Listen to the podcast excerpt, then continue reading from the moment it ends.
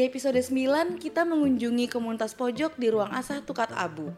Bersama dengan beberapa anggota pojok yaitu Ngurah Bob Trinity, Peanut Dog, Mr. X, 735 Art, dan Lawor, kami berbincang tentang seni sebagai salah satu cara untuk menjembatani isu sosial dengan masyarakat yang lebih luas.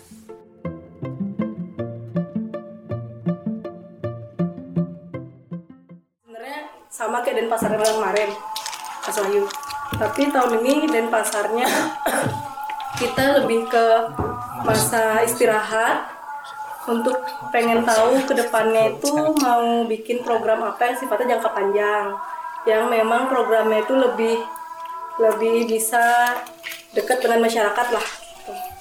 Nah karena kalau misalnya kita residensi artis biasanya menghasilkan karya kan akhirnya pameran lagi sedangkan teman-teman di Denpasaran Bali tuh sudah banyak bikin pameran bagus gitu.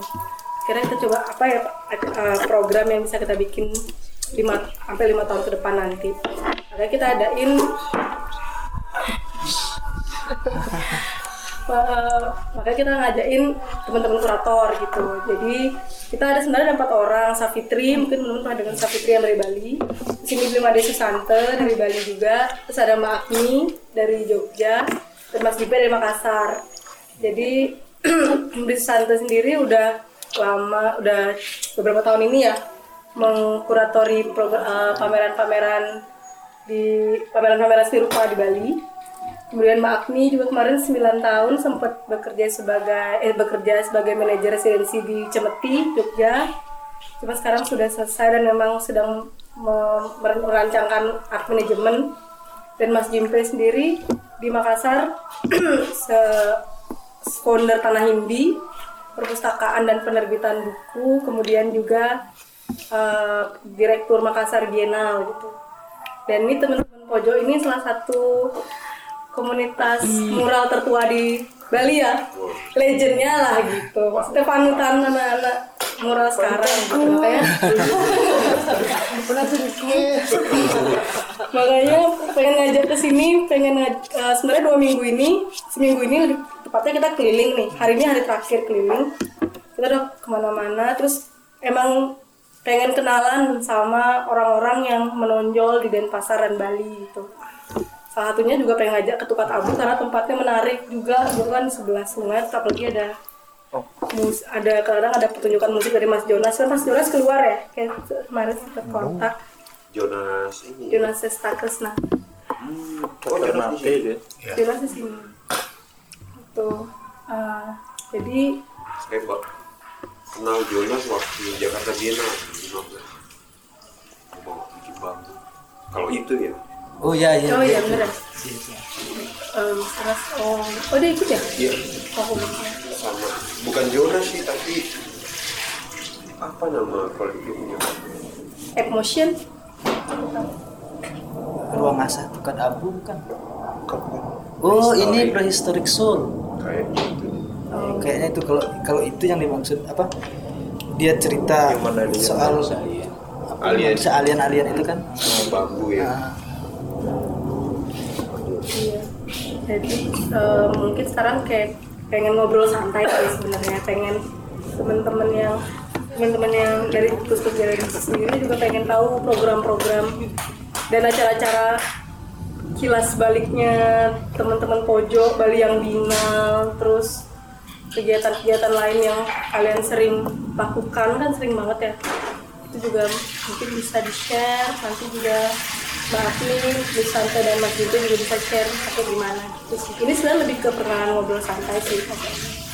Gitu. Begitu video. Jadi siapa? Ya? silakan. Oh mas silahkan Mas Wahyu Kita cerita tentang Bali yang bina dan pojok. Mulainya dari mana? Pojok itu siapa mas? Lahirnya gimana di? Oh, enggak sengaja itu. Oh nggak sengaja itu. Itu tahun dua jadi pas anu sebelum mendokter 2000-an teman baru masuk tuh. Dua dua ribu ya teman-teman waktu itu yang ngumpulnya itu sebetul sebetulnya teman-teman SMA sebetulnya. Terus kuliahnya barengan kecuali saya. Eh, tahun 2000 nah, terus 2000 itu kenal sama teman-teman Kamasra yang eh, apa? Tipis aktivis itu loh. Nah, terus bikin ide eh, mereka sebenarnya bukan bikin ide Kamasra yang bikin ide eh, apa dah? Kontra PKB Oh, nah, PKB Pekan Seni. Pekan Seni Bali, Pesta Nah, Seni Bali. Bali. Ah, terus ikut di sana sama teman-teman Kamasra. Setelah itu yang tinggal nongkrong itu yang kita kita aja gitu. Teman-teman Kamasra itu ang kakak kelas waktu itu. Mereka bikin eh, setelah kontra PKB itu eh, terus sanggar eh sangkar dewata Nah, sangkar dewata terus pokoknya setelah event-event itu eh, yang kakak-kakak kelas Kamasra itu bikin klinik seni taksu terus eh, kita yang kecil-kecil itu nongkrong mabuk gitu di studio ya itu Berarti apa? Berarti ada kayak ada gap gitu? enggak Taksu. memang cuma ini apa senangannya beda gitu Oh, mereka kan sudah tua sudah mikir jauh mungkin kayak kita kan baru-baru kuliah baru oh bebas. Ke kampus cuma mabuk gitu. Ya itu akhirnya nggak jelas gimana ceritanya pokoknya udah jadi pojok gitu. Angkatan 2000 gitu. pameran pertama 2000 udah tentang manusia 2003 Eh, pameran pertama 2003 masih di dalam ruangan. Tapi beber- beberapa sudah mulai bikin karya gede gitu yang nggak cukup untuk ditaruh di ruangan. Seperti baliho nah, benar. sudah bikin baliho gitu. Eh, terus habis pameran itu apa dan yang diangkat pameran apa dan pokoknya terus pameran ke Jogja se- setelah eh, waktu itu- setelah eh, apa namanya tentang manusia judulnya pameran pertama itu kan setelah tentang manusia Undertake. Ah, Undertake. gulanya Eh, setelah campur sendiri. Setelah tentang manusia eh, taksu pameran memasak sejarah. Terus setelah itu ya cemeti terus setelah itu pojok pameran eh nah itu setelah itu kalau nggak salah yang ingat ya setelah itu pojok pameran under attack di kedai kebun. Lama banget ya berarti. ya kedai kebun udah nggak ada ya kayaknya. Nggak masih masih udah lama sekali. 2000 berapa itu? 5 2005 pokoknya apotek komik masih ada waktu itu. Eh, terus under attack under attack itu waktu itu di Bali sedang ngetren anu itu loh. Eh, periksa-periksa KTP itu loh. K-pop K-pop ah ya itu kayaknya oh. Nah, terus di, itu dibawa ke Jogja di Jogja ketemu sama Mas Sam. Eh, terus yuk ngapain gitu? Nggak tahu gimana ceritanya tiba-tiba diajak nggak ngam- gambar di Katamso. Katamso. Pokoknya dekat Jogja dangdutan tuh loh. Ya. Ada ah, Dangdutan. Kan dangdutan. itu kan ya Dangdutan di situ. Nah di situ gambar pertama kali kita gambar di tembok waktu itu teman-teman. Nah, terus keenakan. Gak terus sudah ada kenal sama Mas Sam juga di sini. Terus ada ini ada apa ada? Ari. Ah, Ari Duyanto ke sini ngajakin lagi gambar tapi medianya kegedean. Eh yang ngajakin itu Ari, Ari ngajakin Taksu, nah Taksu ngajakin kita. Gitu itu jadi mural pertama di Bali di Jalan Akasia udah hancur sekarang kayaknya habis ya. Apa nggak ada udah ada sekarang ya? nggak nggak Masih ada? nggak nggak nggak rumus sekarang udah ada ada utuh Hmm. pokoknya yang gambar kayak kaki Hmm. Habis itu mulai dah gitu. Kita nggak tahu yang kita lakukan waktu itu mural dan itu disebut street art kita nggak tahu. Tapi dari awal kecenderungan teman-teman itu memang memamerkan hampir semua karya di dalam. Kita pernah pameran di waktu aksi apa gitu lupa. Ada di Gunung tuh. Aksi apa tuh karena ada aksi apa gitu dia eh, kita bawa kanvas memang dipajang di jalan. Karena waktu itu nggak kepikiran bikin baliho nggak kepikiran juga tapi bawa kanvasnya di di jalan. Terus tapi kebanyakan mendompleng dalam tanda kutip aksi-aksi itu untuk pameran di jalan sebetulnya. Aksi di situ juga ngikut tiba-tiba bawa bawa karya gitu Eh, pernah pameran keliling juga. Keliling dalam arti keliling naik sepeda kanvas ditempel di sepeda gitu. Terus keliling gitu. Bertiga waktu itu bertiga. Dan dia wis sama tuung itu tapi memang dari itu dari awal kecenderungannya memang eksibisionis anak-anak. Eh, apa tapi waktu itu karena kita nggak tahu yang kita lakukan mural itu street art kita nggak tahu waktu itu. Dan dia ngawur-ngawur aja bilang mendeklarasikan diri sebagai street dekorator. Kita nggak tahu apa street dekorator. gitu. Kita mendekorasi jalan gitu. Cuman gitu. Waktu ke Jogja juga pernah waktu Binel ke 9 10 ya sekitar itu udah 9 atau 10 pokoknya yang ada Mas Sam. Mas Sam mengundang kita untuk minta gambar di kilometer 0 Oh yang 10 gitu. 10 deh. Ah, yang itu. Terus sisanya ya gambar-gambar di jalan ya ada yang sendiri ada yang bareng-bareng. Eh, ya setelah Jogja, setelah Bangsi naik daun itu kita baru tahu oh itu ya. street namanya itu. Dan baru mulai ini apa me- meyakinkan diri bahwa eh, kita mau itu aja gitu. Gitu sebetulnya. Gitu ceritanya. Kalau sekarang yang komunitas pojok terakhir yang kemarin Bali yang Binal itu, oh itu. Saya sendiri juga penasaran sih awalnya tuh gimana sih? ram- awalnya idenya bukan dari kita sebetulnya. Itu kebanyak mungkin teman-teman yang di Denpasar taunya kita yang mengawal itu sebenarnya enggak sebenarnya. Sebetulnya eh, teman-teman komunitasnya Mas Yonas karena dia teman- lebih senior lebih tua gitu, mereka. Terus eh, bikin komunitas KSDD gitu. Mereka biasanya eh, konsennya dipertunjukkan biasanya mereka. Ah, waktu Bienal tahun berapa tuh?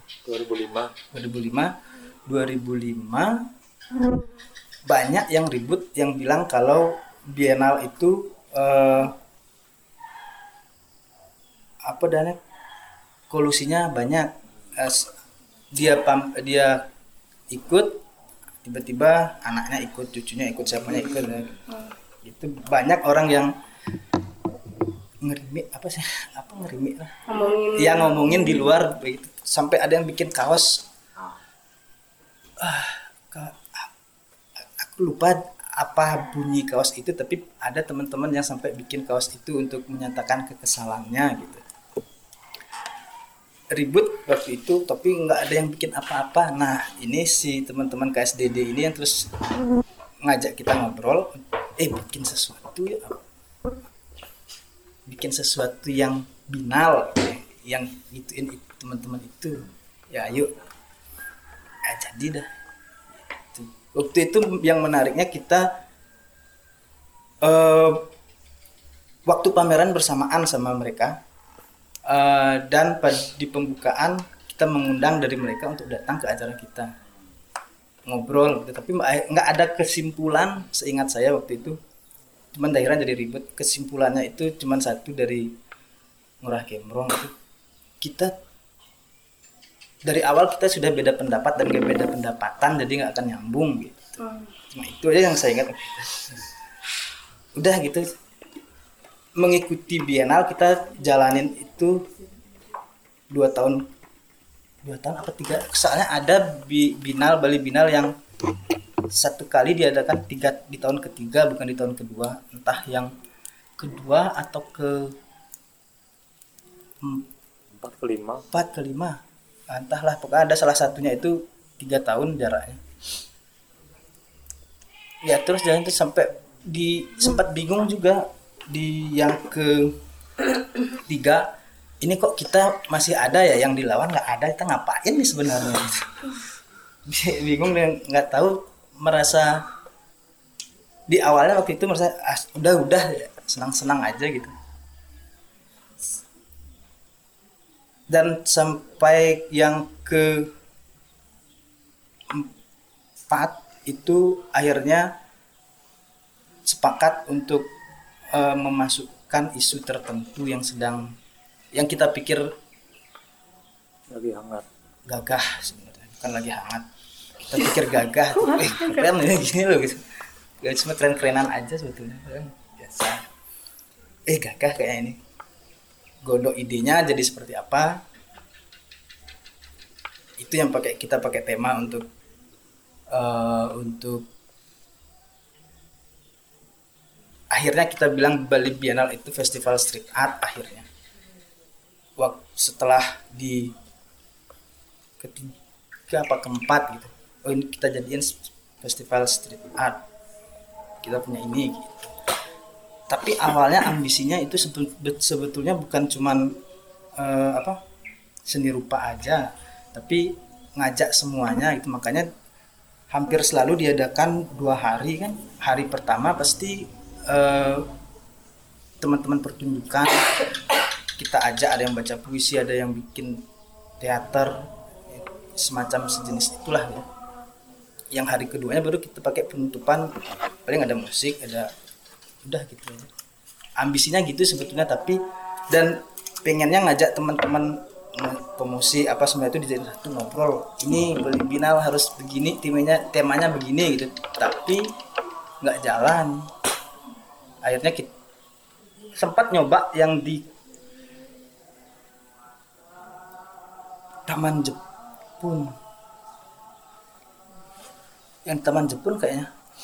Benar benar tuh enam. 6 yang keenam sempat yang keenam apa apa yang kelima ya lupa saya.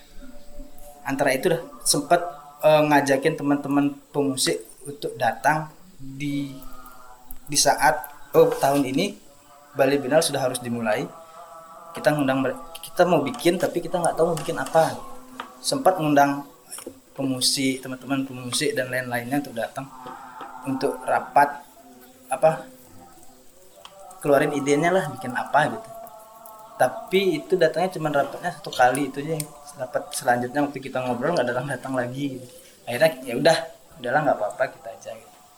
akhirnya kita aja dari sampai sekarang dan teman-teman KSDD itu mereka sudah mulai menua dan jalan sendiri-sendiri akhirnya Mas Onas sama ini dekat Abu yang lain sudah entah di mana ya. Begitu kira-kira. Kalau Bali final ada yang mau ditambahkan? Capek saya ngomong. Kalau yang aku dengar kemarin kapan ya? Eh, pas ngobrol sama Ruru, kan waktu itu Ruru sempat open eh, sponsor sama Propan. Tapi dia sempat bilang, kayaknya kalau sama teman-teman pojok, apalagi mereka Bali yang binal, kayaknya nggak open sama institusi yang menunggangi gitu kan, karena kalian punya isu-isu sendiri gitu. Itu tuh emang emang eh, idealis teman-teman pojok seperti itu? Nggak idealis sih sebenarnya. Pengen ada yang bisa membiayai event ini tapi hanya saja kalau kita mikir kalau yang membiayai itu model-model Profan, Aqua, semua itu kita nggak bakal bebas melakukan yang kita mau. Sementara dari awal eh, event ini memang untuk senang-senang kita kita mau ini ya udah kita bikin ini, kita mau ini kita bikin ini gitu. Kalau ada yang pemberi dana setipe itu kita kan kita mikirnya kita nggak kayaknya nggak bakalan bisa bebas deh Oh, iya. yang keberapa itu sempat Tapi memang Diminta. pernah dicoba. sempat diminta sama aku Kemarin yang waktu Bali Binel 7 yang di Sungai. sungai itu Aqua sempat menawarkan bantuan. tapi kita nggak ngambil karena mikirnya Karena seperti itu ya karena Aqua itu kan salah satu penyumbang oh, air Eksplorasi air. tidak baik. eksploitasi air. Eh, ini eh, saya tambahkan sedikit tentang kenapa terjadi Bali Bali yang bina. Eh, kalau saya menilai waktu itu Bali yang bina terjadi karena ketidakpuasan teman-teman pojok ya dalam seni rupa. Artinya Bali Binel yang dibentuk oleh senior lah, oh, yang kebanyakan dari berupa oh, senior sangat dewata. Waktu itu mentornya adalah oh, Pak Putu Dwi Kora, ya. Kita merasa sebagai seni rupa muda gitu loh. Merasa disisihkan gitu loh. Merasa disisihkan dan akan menjadi suatu eh, apa istilahnya dia menilai kita itu s- dianak tiri kan gitu tidak dilihat lah dari sana kita mulai bersikap bahwa kita punya dunianya sendiri gitu, untuk seni rupa ini gitu. lahirlah eh, Bali yang Binal gitu menjadi tandingan Ba- Bali Binel. Dan bersamaan dengan Bali Binel ini akan dibentuk dan pameran pertama dia, perdananya dia, kita Bali Binal juga pameran.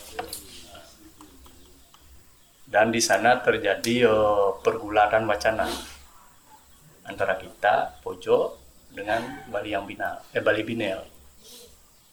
Nah, akhirnya kita tidak sih merasa menang gitu loh tapi kita men- melakukan ini sebagai eh, inuitas bagaimana kita sebagai seni rupa eh, punya eh, kreativitas yang tidak redup gitu loh. Terus berjalan bergerak ternyata Bali Binel ini jatuh. Tumbang dia baru pertama kali pameran perdana langsung tumbang tenggelam. Akhirnya di sini kita merasa punya dunia kita gitu untuk Bali yang benar itu saja.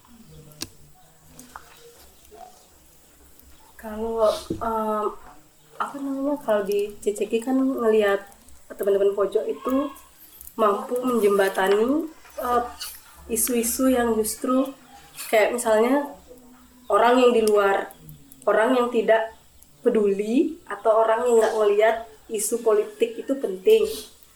Terus kan kalau dari kita lihat apalagi kemarin celupan bawang ya celupan bawang terus teman-teman Balian Binal suka angkat isu-isu yang justru bikin kita pas lihat gambarnya jadi kesentil gitu.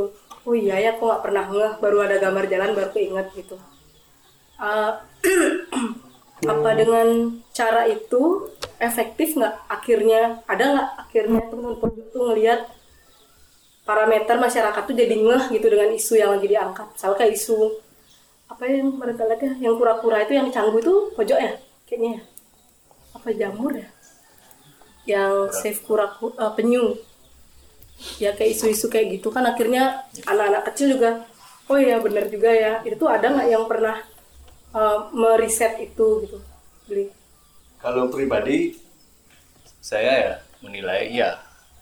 Karena street art menurut saya kenapa menjadi pilihan saya gitu loh.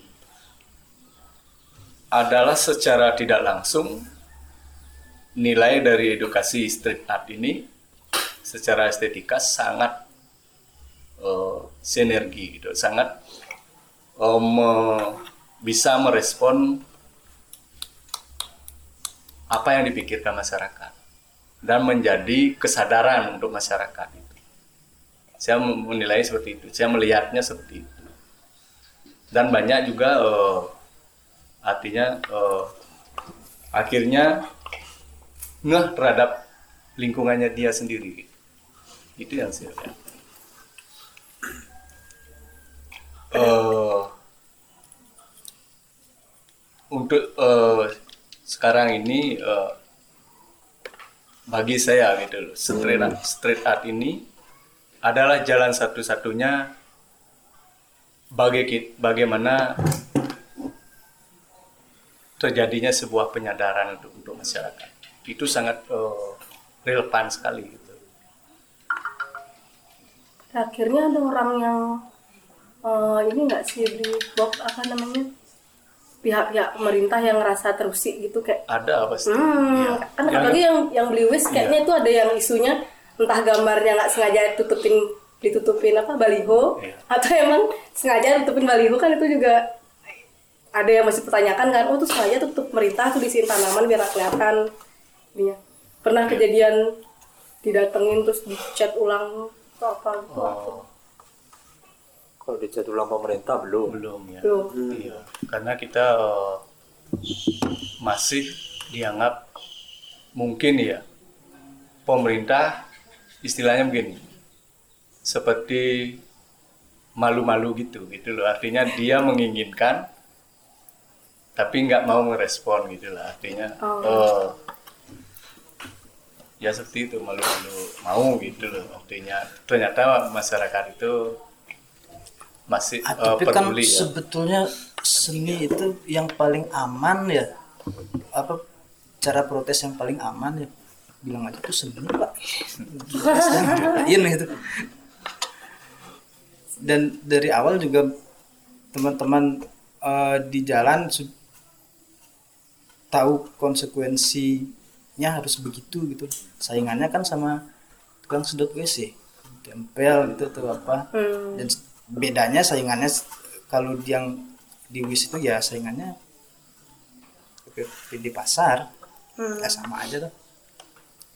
Tapi itu sebetulnya kalau di sampai hari inilah teman-teman gambar di jalan itu masih di apa namanya tembok yang digambar itu masih punyanya pribadi gitu kan properti pribadi biarpun yang di pasar itu juga seperti itu. Tapi mungkin karena posisinya gambarnya wis itu ada di pasar gitu.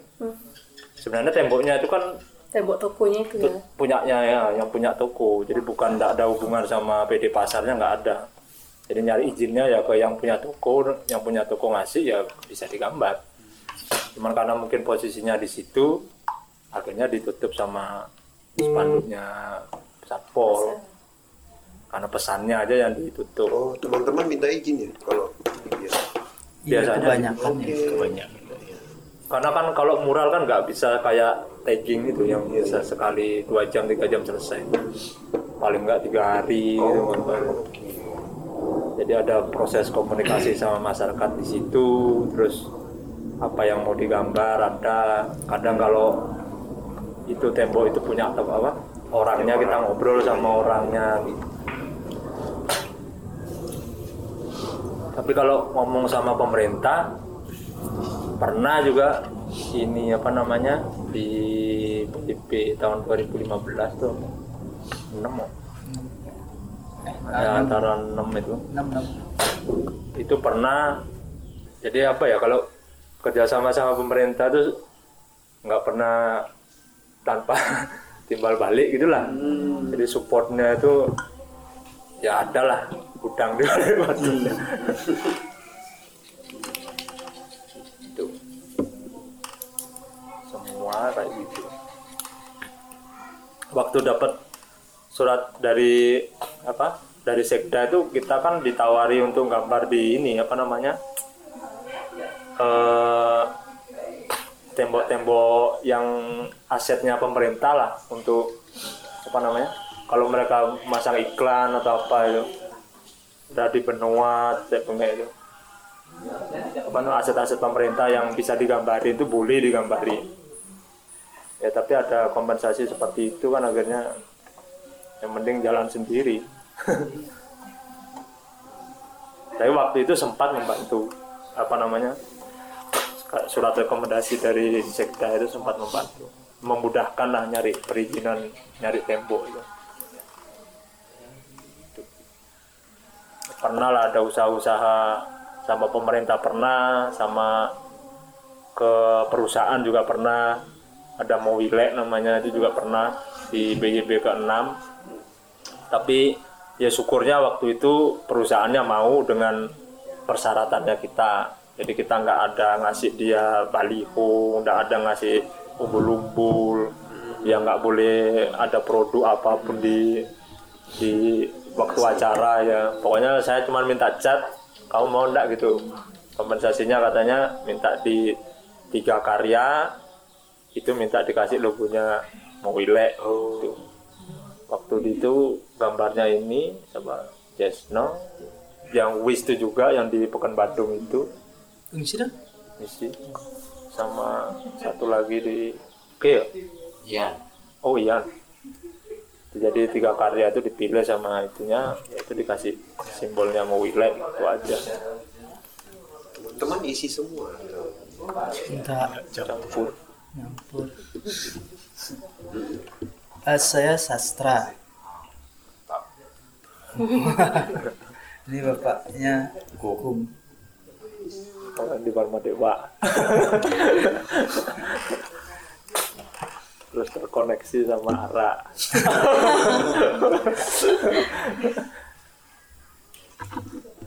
Dari teman mampu. Andi. Andi Andi Rara. Rara dia lebih banyak operasi di Canggu sana Tapi gabung sini atau ada? oh enggak ada Berteman. inilah, berteman Iya, aja Berteman. Saya kenal dia di dulu. Oh, sempat ketemu dia. Iya, kenal. Cuma nggak lama. Udah lama nggak ketemu. Di, di sini sudah lama di sini dari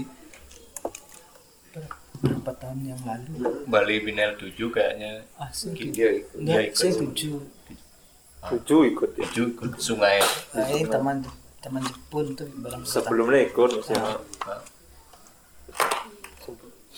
dua kali dia sempat ikut. Rara. kalau aktivitas sehari-hari atau aktivitas sekarang teman-teman di komunitas pojok itu apa aja? Oh banyak. Banyak. Kembali ke kandang masing-masing lah kalau misalnya pergi Di kandangnya ngapain? Ini bapak ini memang pelukis. oh, iya. ini yang pakai kaos lancip ini apa namanya bikin keramik Keramik.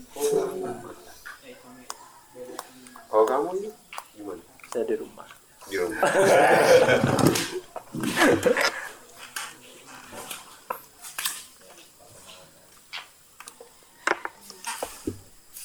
terus yang ada final yang kemarin itu kan ada yang turun bawang dulu yang dia Iya. nah itu saya lihat pas setelah acara saya ke sana lihat-lihat karena diminta sama Rai juga untuk menulis itu gitu ya Pak. saya sama Sabtu sama Dwi kan yang minta untuk nulis itu saya pikir mungkin yang Sarul ya, teman yang nulis nih mungkin Dwi atau ya, menulis yang di Cirebon Bawang itu Situ saya lihat kan di rumah-rumah warga ya gitu ya. Iya. Ya walaupun itu dekat di jalan tapi di rumah warga. Waduh. Nah, kalau saya lihat kan itu memang terjadi satu dinamika yang menarik. Karena biasanya street art di jalan di ruang publik, nah ini ke rumah. Gitu. Iya. Itu kan ruang yang Privat. ruang privat. Nah, itu. Nah, bagaimana itu di, dari Kubas Pojok ketika itu berdialog dengan warganya lah ketika ketika proses menggambar itu bagaimana dan bagaimana respon warga sekitar ketika itu. itu dari tawarannya dari warga Oh, dari warga. Iya. Iya. Awalnya kita memang kesulitan, kesulitan cari tembok. Setelah oh, kita turun, kita mulai eksekusi tembok beberapa dari warga itu melihat, nonton, akhirnya ramai-ramai mereka menawarkan diri itu. Gitu.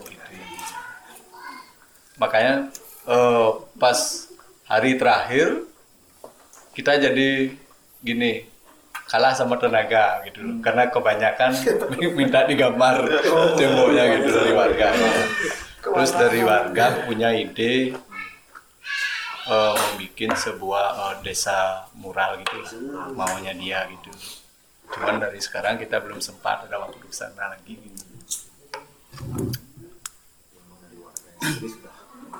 ya inisiatifnya dengan positif.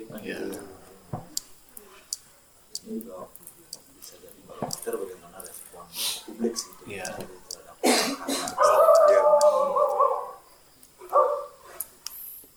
publik memang membutuhkan itu ternyata kan gitu kan. Apalagi situasi masyarakat itu dalam keadaan tidak diuntungkan oleh pemerintah. Sangat dia mem- memerlukan membutuhkan dukungan dari berbagai pihak. Itu yang saya lihat. Dan ini menjadi saluran bagi mereka untuk berekspresi untuk mengungkapkan Iya, betul. membantu menjadi semacam media untuk untuk uh, luapan mereka gitu ya. Tema yang digambar apa biasanya kalau di rumah warga? Iya, PLTU. bahaya PLTU waktu itu di sana. Bahaya Oh, untuk ya B, B8 ya energi terbarukan Oh, kan Iya. Tapi kan maksudnya antara teman-teman pojok sama warga kan tadi kan sepakat. Iya. Jadi ketika mereka menggambar kan apa yang mau digambar itu yang menarik sebenarnya. Maksudnya mereka mau misalnya tadi apa di, di tiga ya, PLTU. Iya. Informasi dari PLTU itu yang didapat dari warga dari mana? Maksudnya mereka yang dicelukan doang itu menariknya mereka sudah terkena dampaknya dari itu. Makanya mereka mau itu mau apa namanya digambarin kayak gitu. Sudah sudah terasa bagi untuk mereka gitu. Makanya waktu ke celukan doang itu kan eh, kita bikin acaranya di tempat warga juga mungkin Memang lebih sudah. lebih lengkapnya Bu Wahyu lah yang tahu Mas. dia yang Iya. orang hukum lah ya. Iya, dia. Ya nggak tahu waktu itu sebenarnya apa namanya sudah ada pentolan-pentolannya di situ di warga itu. Cuman untuk me- menyatukan kan ada empat kampung di sana. Untuk menyatukan empat kampung itu susah bener gitu. Karena yang di dari ada dari LBH dari LSM itu penjelasannya nggak sampai ke orang-orang itu gitu loh. Susah sekali kan biasanya ngumpul gini diskusi gitu kan. Masyarakatnya itu bosan gitu loh akhirnya. Karena terus gitu gitu kan. Ngobrol aja akhirnya bosan terus ketika demo itu semakin turun orang-orangnya. Terus mereka berpikir gimana sih cara ngumpulin orang banyak? Tapi orang itu nggak merasa eh, dia apa ya kayak merasa oh kamu kayak lebih pinter aja gitu loh. Biar nggak tersinggung gitu loh. Itu pakai cara apa gitu. ya mungkin ah, coba kita gambar lah gitu. Itu oh ternyata lewat gambar itu orang lebih nangkepnya lebih simpel. Sampai anak-anak kecil tuh akhirnya datang kan? Karena anak kecilnya datang ibunya datang gitu. Kalau ibunya sama anaknya nggak pulang-pulang bapaknya datang gitu. Akhirnya rame Iya, iya. dari empat kampung tuh lihat kampung itu oh menarik. Gitu. Pengen juga digambar makanya seperti yang dibilang itu akhirnya banyak orang pengen digambar itu Jadi kewalahan sendiri teman ya akhirnya nggak punya tenaga.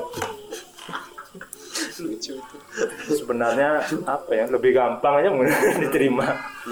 Kalau dijelaskan lewat teori ini ada B3 ini ada partikel ini nggak ngerti orang di situ. Ngertinya kan mancing. Dia nelayan. Lewat gambar akhirnya orang menarik kan apalagi gambarnya itu nggak serem-serem amat gitu. Oh gambar ikan. Gitu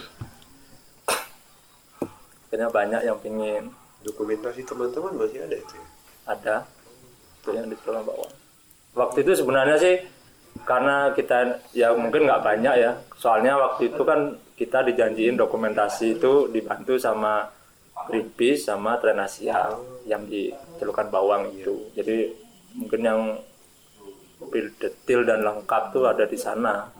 Kalau kita ya foto-foto sederhana aja dari dari HP apa apa.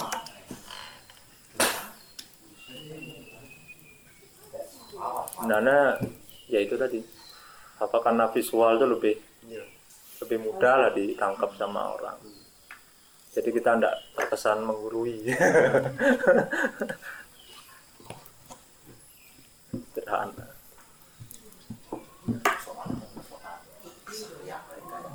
Hmm. gambar ikan gambar apa namanya orang yang kesusahan bernapas kerinduan sama udara bersih susahnya apa namanya ngurus kalau misalnya kena sakit paru-paru tapi alasannya dibuat-buat kan kayak gitulah. Panen yang hilang kalau misalnya ceritanya Pak Mangku. Ya kayak kayak gitulah tapi visualkan sama teman-teman tapi dengan visual yang eh, nggak uh, serem gitu loh. Yang disampaikan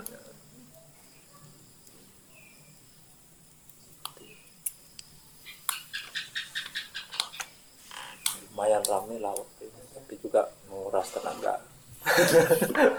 Karena jarak. Oh BB yang 8 ini kita mengambil energi Arieso ini saya uh, saya pribadi sih cukup berhasil ya uh, untuk uh, energi Arieso karena kita kebetulan punya teman tentang energi gitu loh. Uh, energi terbaru yaitu uh, panel surya ini. Dia dia sangat mendukung acara kita ini. Itulah yang menjadi kita tidak hanya berbicara tentang estetika gitu tapi kita bicara uh, altern, jalan keluar alternatifnya bagaimana seharusnya negara eh, pemerintah sudah mulai sadar akan dampak lingkungan dari batu bara. Itulah yang membuat eh, 8 ini menjadi berhasil menurut saya gitu. Dan eh, sempat saya baca di beberapa artikel itu di medsos itu akhirnya eh, dari Bapak Gubernur mengeluarkan statement itu untuk PLTU Batubara itu mengingatkan gitu loh. Kalau bisa Bali jangan pernah pakai ini lagi. Itu membuat uh, saya pribadi uh, senang itu. Tidak sia-sialah kita memperjuangkan itu walaupun jalannya setika gitu, setika jalanan gitulah bisa dikatakan. Ya banyak lah waktu itu yang berjuang ya teman-teman dari dari KP dari dari LSM LSM itu kan juga bekerja di sana ya, mungkin kalau teman-teman ini lebih ke ya itu tadi apa ke visual.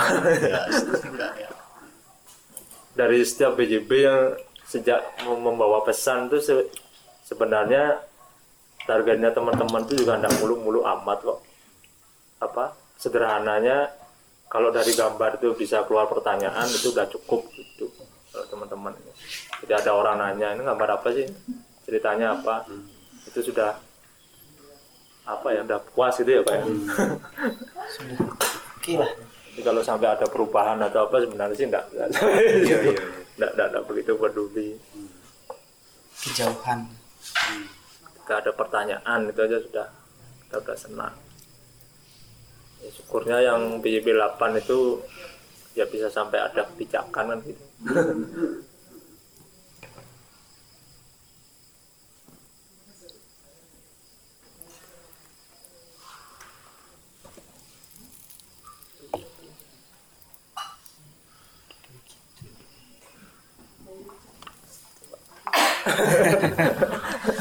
keseluruhan udara bersih.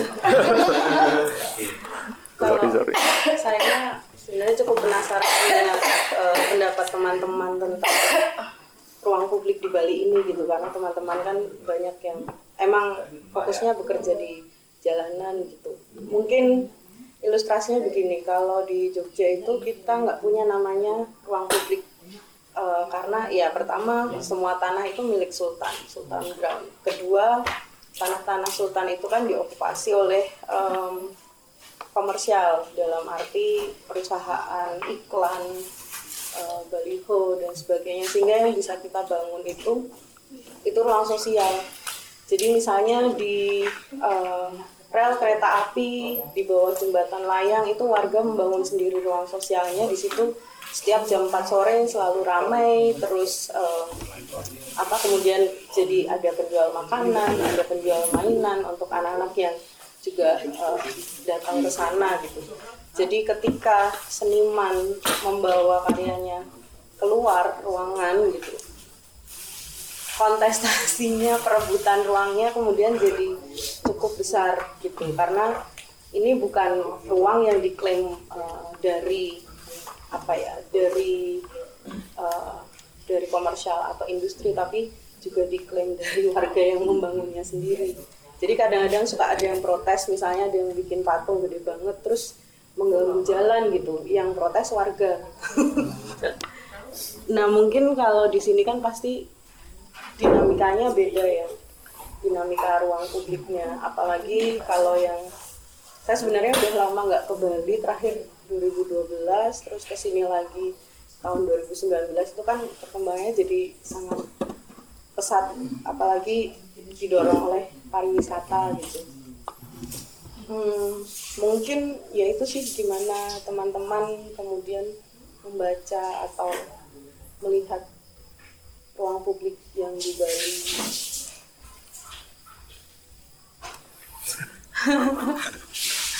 Terlalu abstrak nggak sih pertanyaannya?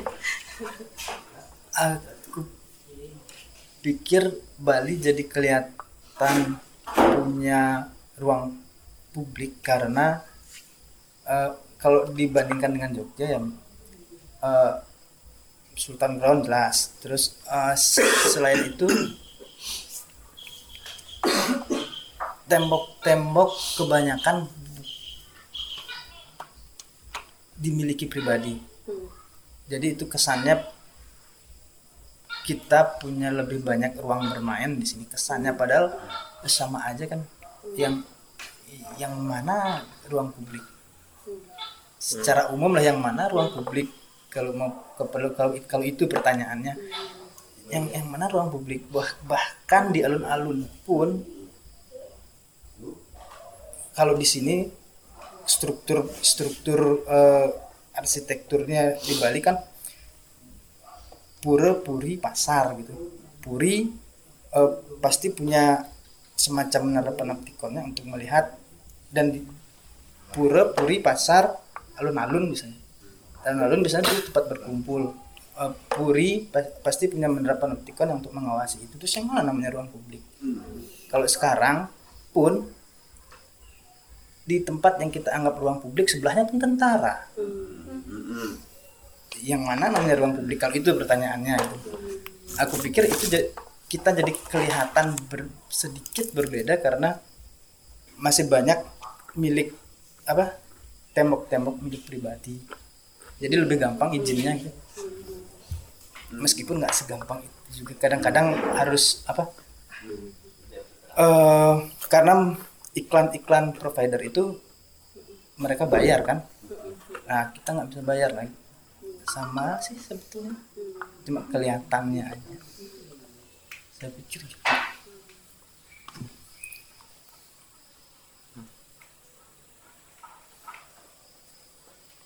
rancung ya Hah? rancung ya. ruang publik yang Iya. mana kita nggak punya ruang publik sudut pandangnya mungkin sederhananya kalau di galeri orang masuk minta izin dulu baru lihat kalau yang yang digambar ini enggak kan gitu. Siapa aja bisa lihat. Mungkin publiknya gitu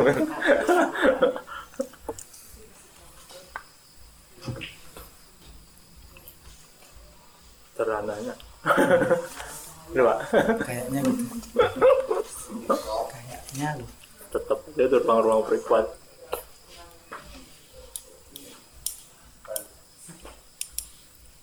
Selalu ada negosiasi itu yang menariknya sebetulnya. Eh, kayak yang di di mana sih namanya? Jalan Akasia. Eh, itu waktu itu kita dikasih syarat eh, boleh gam, gambarin tembok ini syaratnya harus harus ada kesan Bali jadi waktu itu makanya gambar ada gambar jalak di pojokan. Itu potong-potong lah gitu. Oh udah isi itu.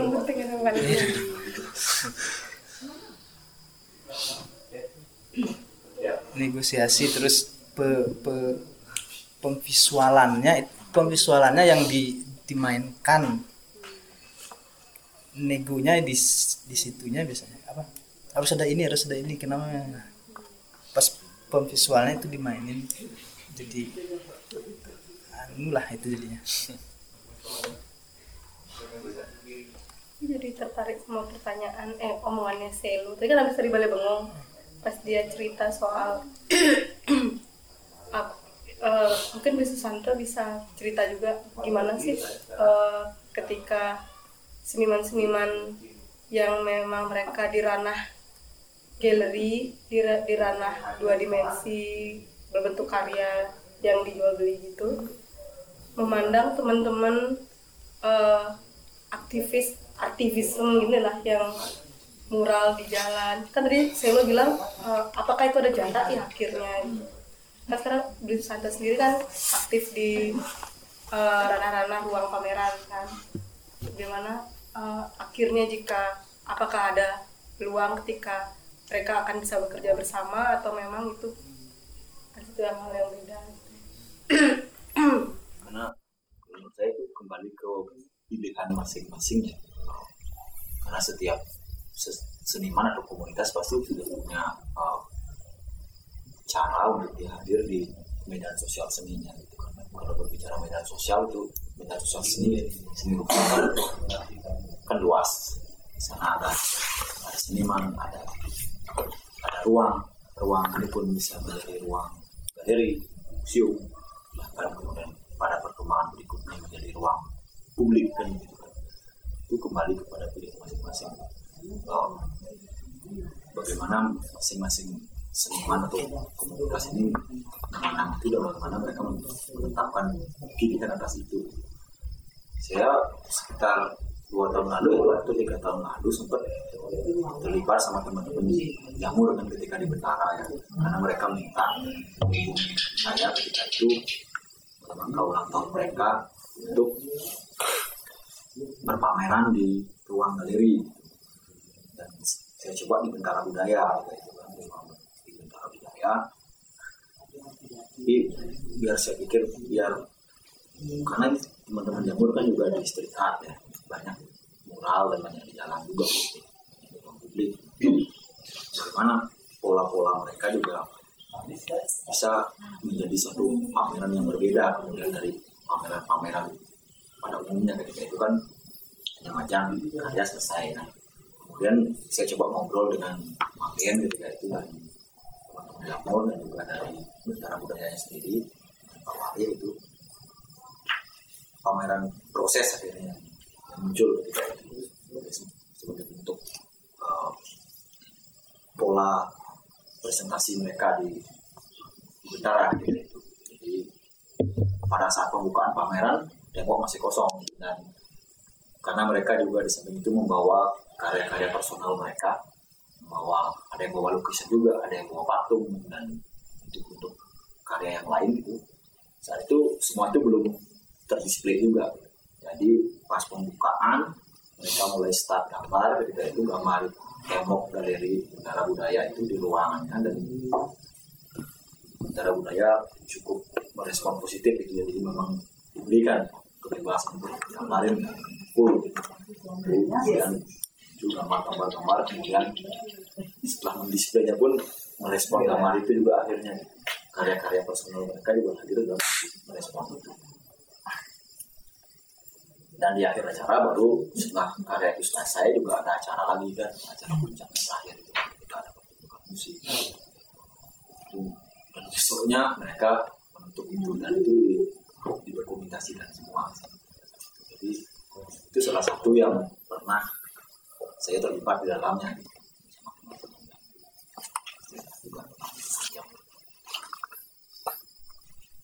Masing-masing memang punya pilihan kemudian kehadiran dan bagaimana cara mereka hadir. Itu sih nggak masalah karena minat sosial sendiri pribadi kita cukup beragam tentang hal itu. Kan berbagai berbagai fenomena berbagai bentuk-bentuk kesenian dan model-model presentasi itu. Ya supaya bertumbuh supaya mereka ragam kalau saya mau semuanya dilatih kan juga jadinya seragam. Ya,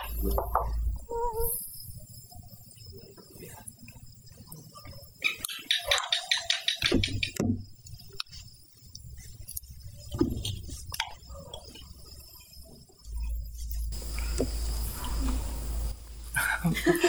Apa tiba-tiba diem? Dedi mungkin sharing juga Tapi kalau misalkan di sini tuh selain ya berkesenian lain tuh programnya apa aja sih gitu? Kalau yang saya dengar kan ada musik 13 ya bang. Eh, itu di sini. Di rata Tukat abu. oh Mas Yonas Beda. Beda manajemen lah Iya, beda manajemen. lah Tapi ya teman-teman juga maksudnya sepertongkrongan. tapi teman-teman pojok terlibat untuk pembuatannya gitu juga atau lebih ke Mas Jonas dan teman-teman musiknya Mas Yonas dan Oh, teman-teman iya. musiknya tapi kita bantu. yang membantu yang membantu beberapa dari teman-teman pojok ada yang oh. Sekarang kayaknya berubah ya? Apanya? Eh, namanya masa ya? Bukan musik 13 Nah, kan itu kayak memang lain. Yang kemarin kan bukan di tanggal 13 makanya namanya bukan musik 13 oh kemarin tuh beli Rai cerita kan. Dia senimannya susah eh musisinya susah atau tanggal 13 jadi jadinya musik kasus. Berarti berarti tetap ada ya? Iya. tetap ada oh. Boleh cerita sedikit Mas Ari tentang musik 13 musik 13 awalnya konsep biasa aja sama Yonas. Itu kayak musik yang nggak pernah hadir yang nggak biasa lah. Lebih ke Ya. eksperimental gitu ya. Kayak no stress gitu nggak mungkin mereka bisa mainin musik 13 karena sudah biasa musik itu kan. Oh. Seperti itulah kira-kira gambaran tentang musik 13 jadi memberi ruang buat teman-teman yang musik-musiknya yang yang yang aneh lah. Hmm.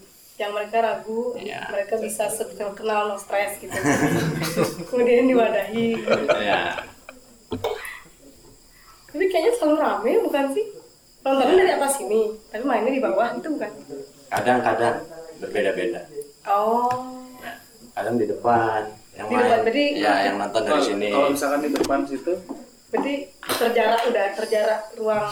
Ya kan bisa turun ke bawah up-nya pinggir itu ribet. Ada di bawah di sungai. Kalau setupnya itu ribet nggak kalau misalnya kayak gitu? kebetulan kan teman-teman juga yang di depan. Ya. masih teman. Ya. semua temen Ya, tinggal kuku kayaknya. Ada beberapa teman di depan juga. Antara. Oh. Jadi nyewa dua banjar. Izin buat dua banjar karena perumahan juga koordinator seberang itu yang topian.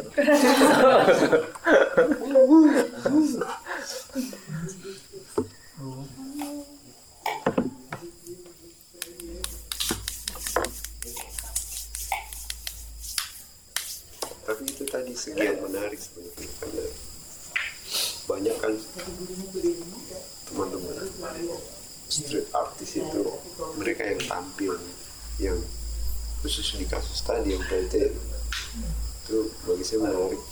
Jadi harus diobrolkan sebenarnya karena mengubah posisi. Jadi sebenarnya tidak malah mengubah posisinya jadi artisan. Bukan. Dia mengerjakan suara dari warga. Dia dari suaranya. Dia bekerja teknis. Teman-teman cuma teknis itu yang bagi saya menarik empat kampung ya waktu itu yang di Julukan Bawang ya yang Apa nama mau nam- namanya yang kita gambar berombong yang lain-lain saya nggak apa. Rombong itu di mana? di di Julukan Bawang di Enggak, maksudnya di oh, Singaraja. Utaranya Belanda ya. tapi PLTU itu dibangun. Ya di. Iya di daerah sana pendampingan Hmm. Bisa metode itu diper sering menurutku. atau sering sebenarnya sering melakukan metode yang hampir serupa atau Di Denpasar sering ya. Kemarin Yang- kayaknya yang di deket CCG itu itu eh, itu bukan bagian dari bagian Binang kan ya, yang di jalan rumah enggak kan? Itu yang emang di kampung itu emang isu apa ya? itu juga awalnya Julukan Bawang di kan sana celukan bawang awalnya di situ itu karena kan si ini si Rai kan pernah nerbitin eh, edisi ini timpal kopi yang apa namanya mengupas permasalahan di sana di celukan bawah terus edisi itu nyampe ke LBH itu ceritanya. Terus entah kenapa eh, waktu itu masih LBH-nya dipimpin sama Pak Dewarnyana Nah, kita ini dianggap seperti ikut campur gitu. Masalahnya waktu itu. Terus dari teman-teman sih berpikir sebenarnya kalau urusan masyarakat ini kan apa ya? Kalau semakin banyak so- yang bersolidaritas, masalah itu semakin cepat didengar gitu. Tapi kok seperti itu tanggapannya udahlah kita bikin acara sendiri gitu terus waktu itu kebetulan dapat kenal sama Pak ini Pak Rahmani yang jadi ini kan pekaling di Gang Raja Wali. Oh waktu itu. Pak Rahmani yang di depannya Cicigi itu Oh anaknya sekarang jadinya. oh sekarang Anaknya.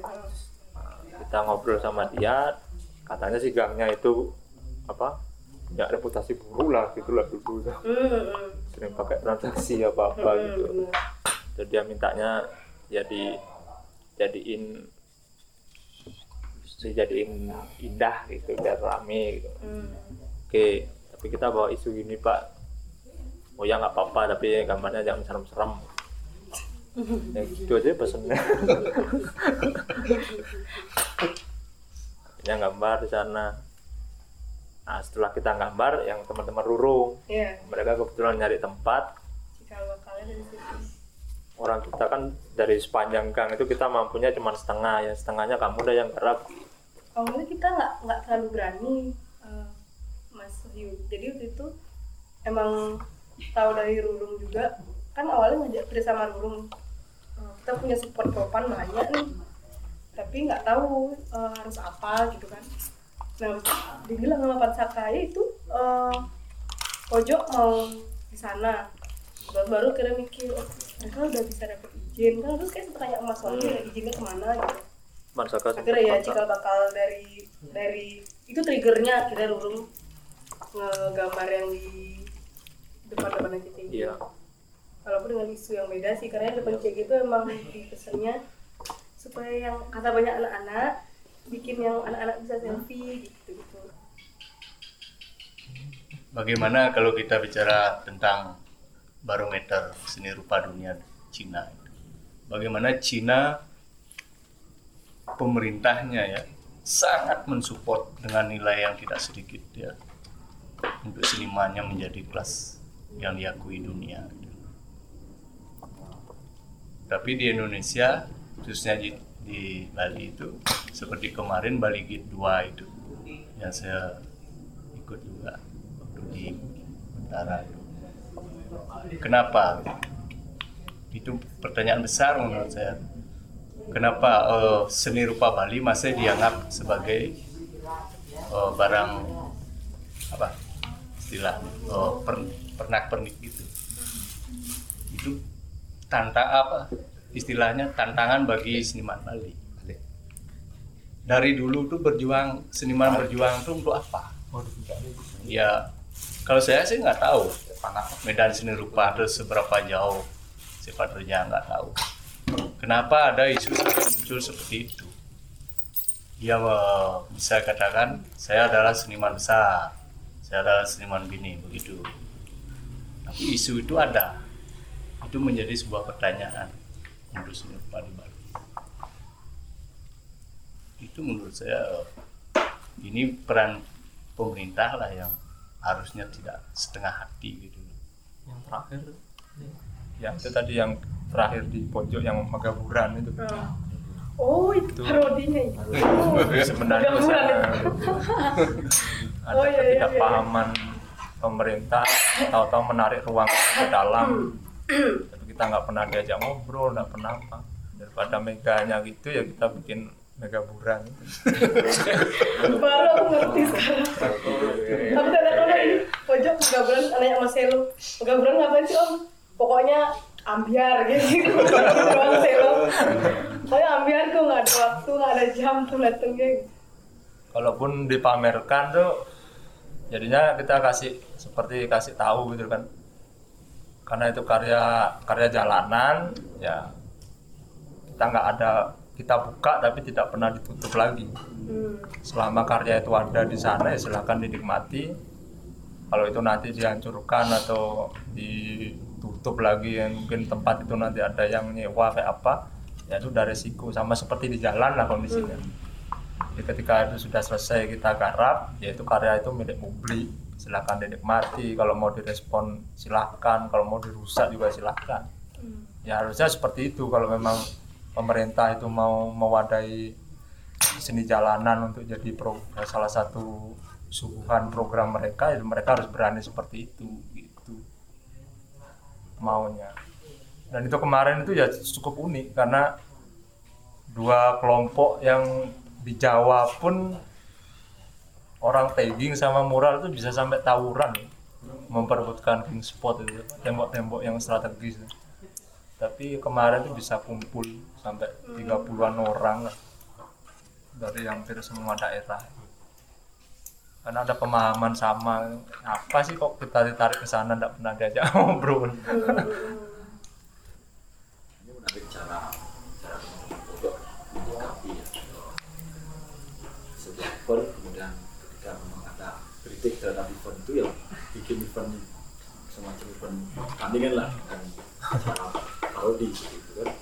Ini menarik dan di, di Bali jarang yang melakukan itu.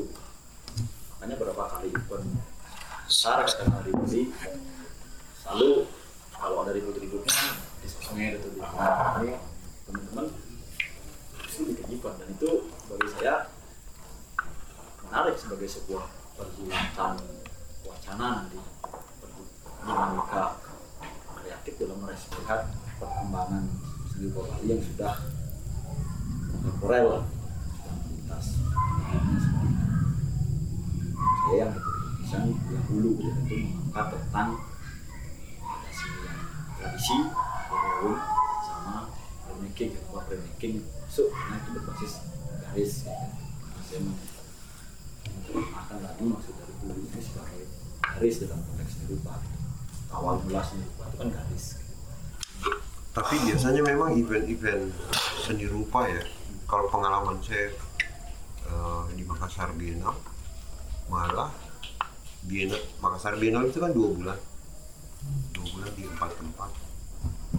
Itu kita agak kecepatan dalam di mata pemerintah. Karena dia bilang Oktober itu baru bisa sebenarnya berhubungan dengan anggaran pencairan anggaran jadi eh, apa waktu kami laksanakan itu baru diurus.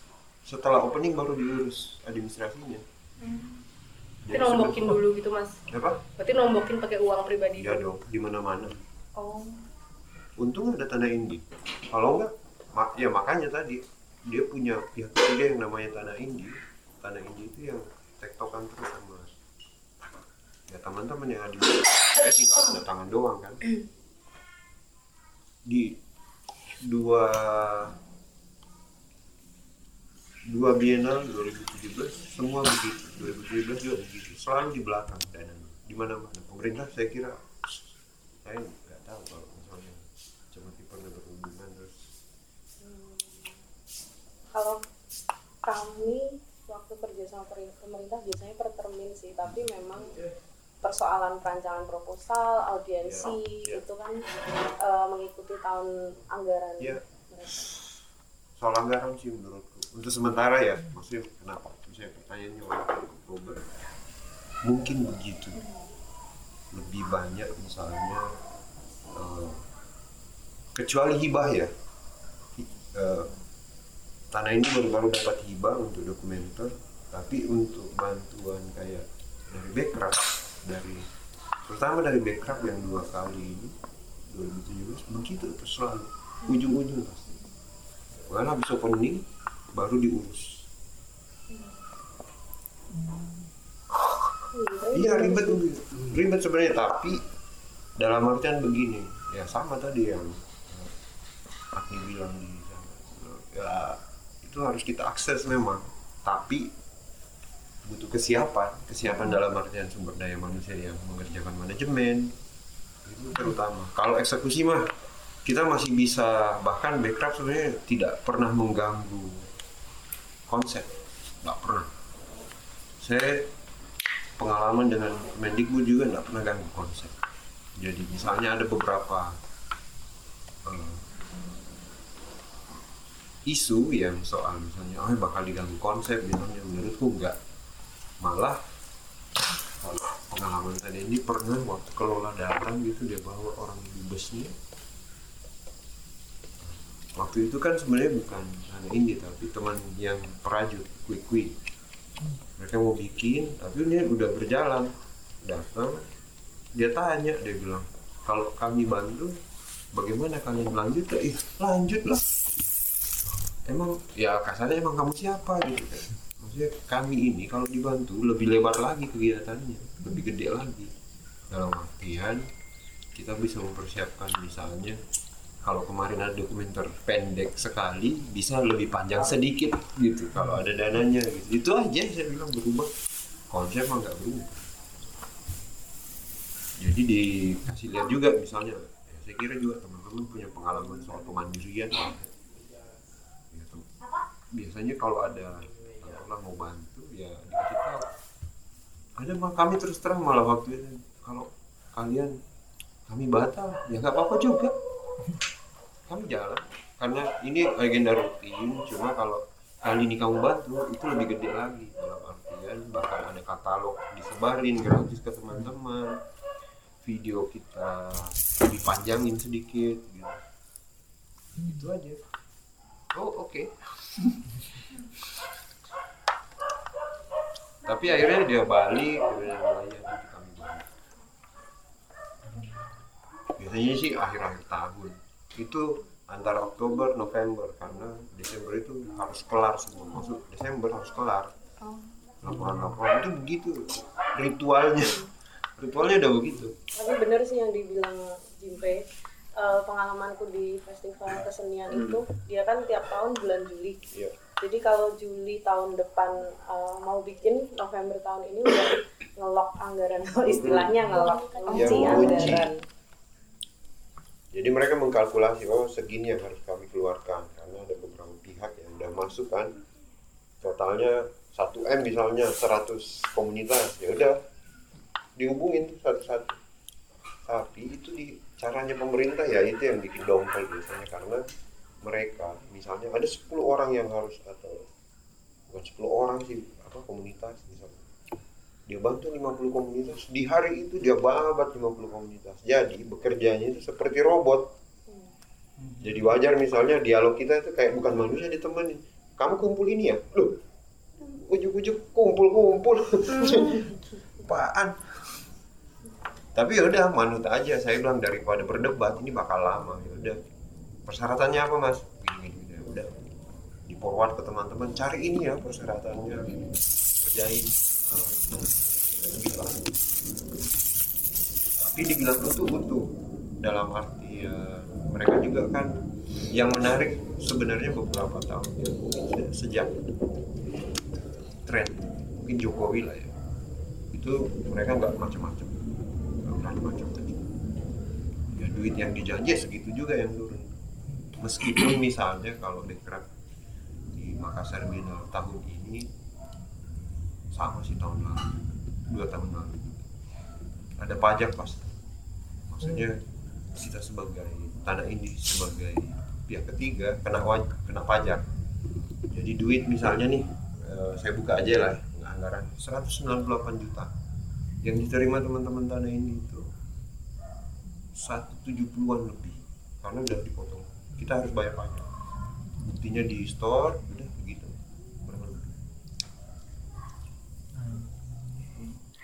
Terima kasih teman-teman pojok ya atas sharingnya juga. Terima kasih banyak. Sama-sama. Sampai bertemu lagi. Terima kasih. Terima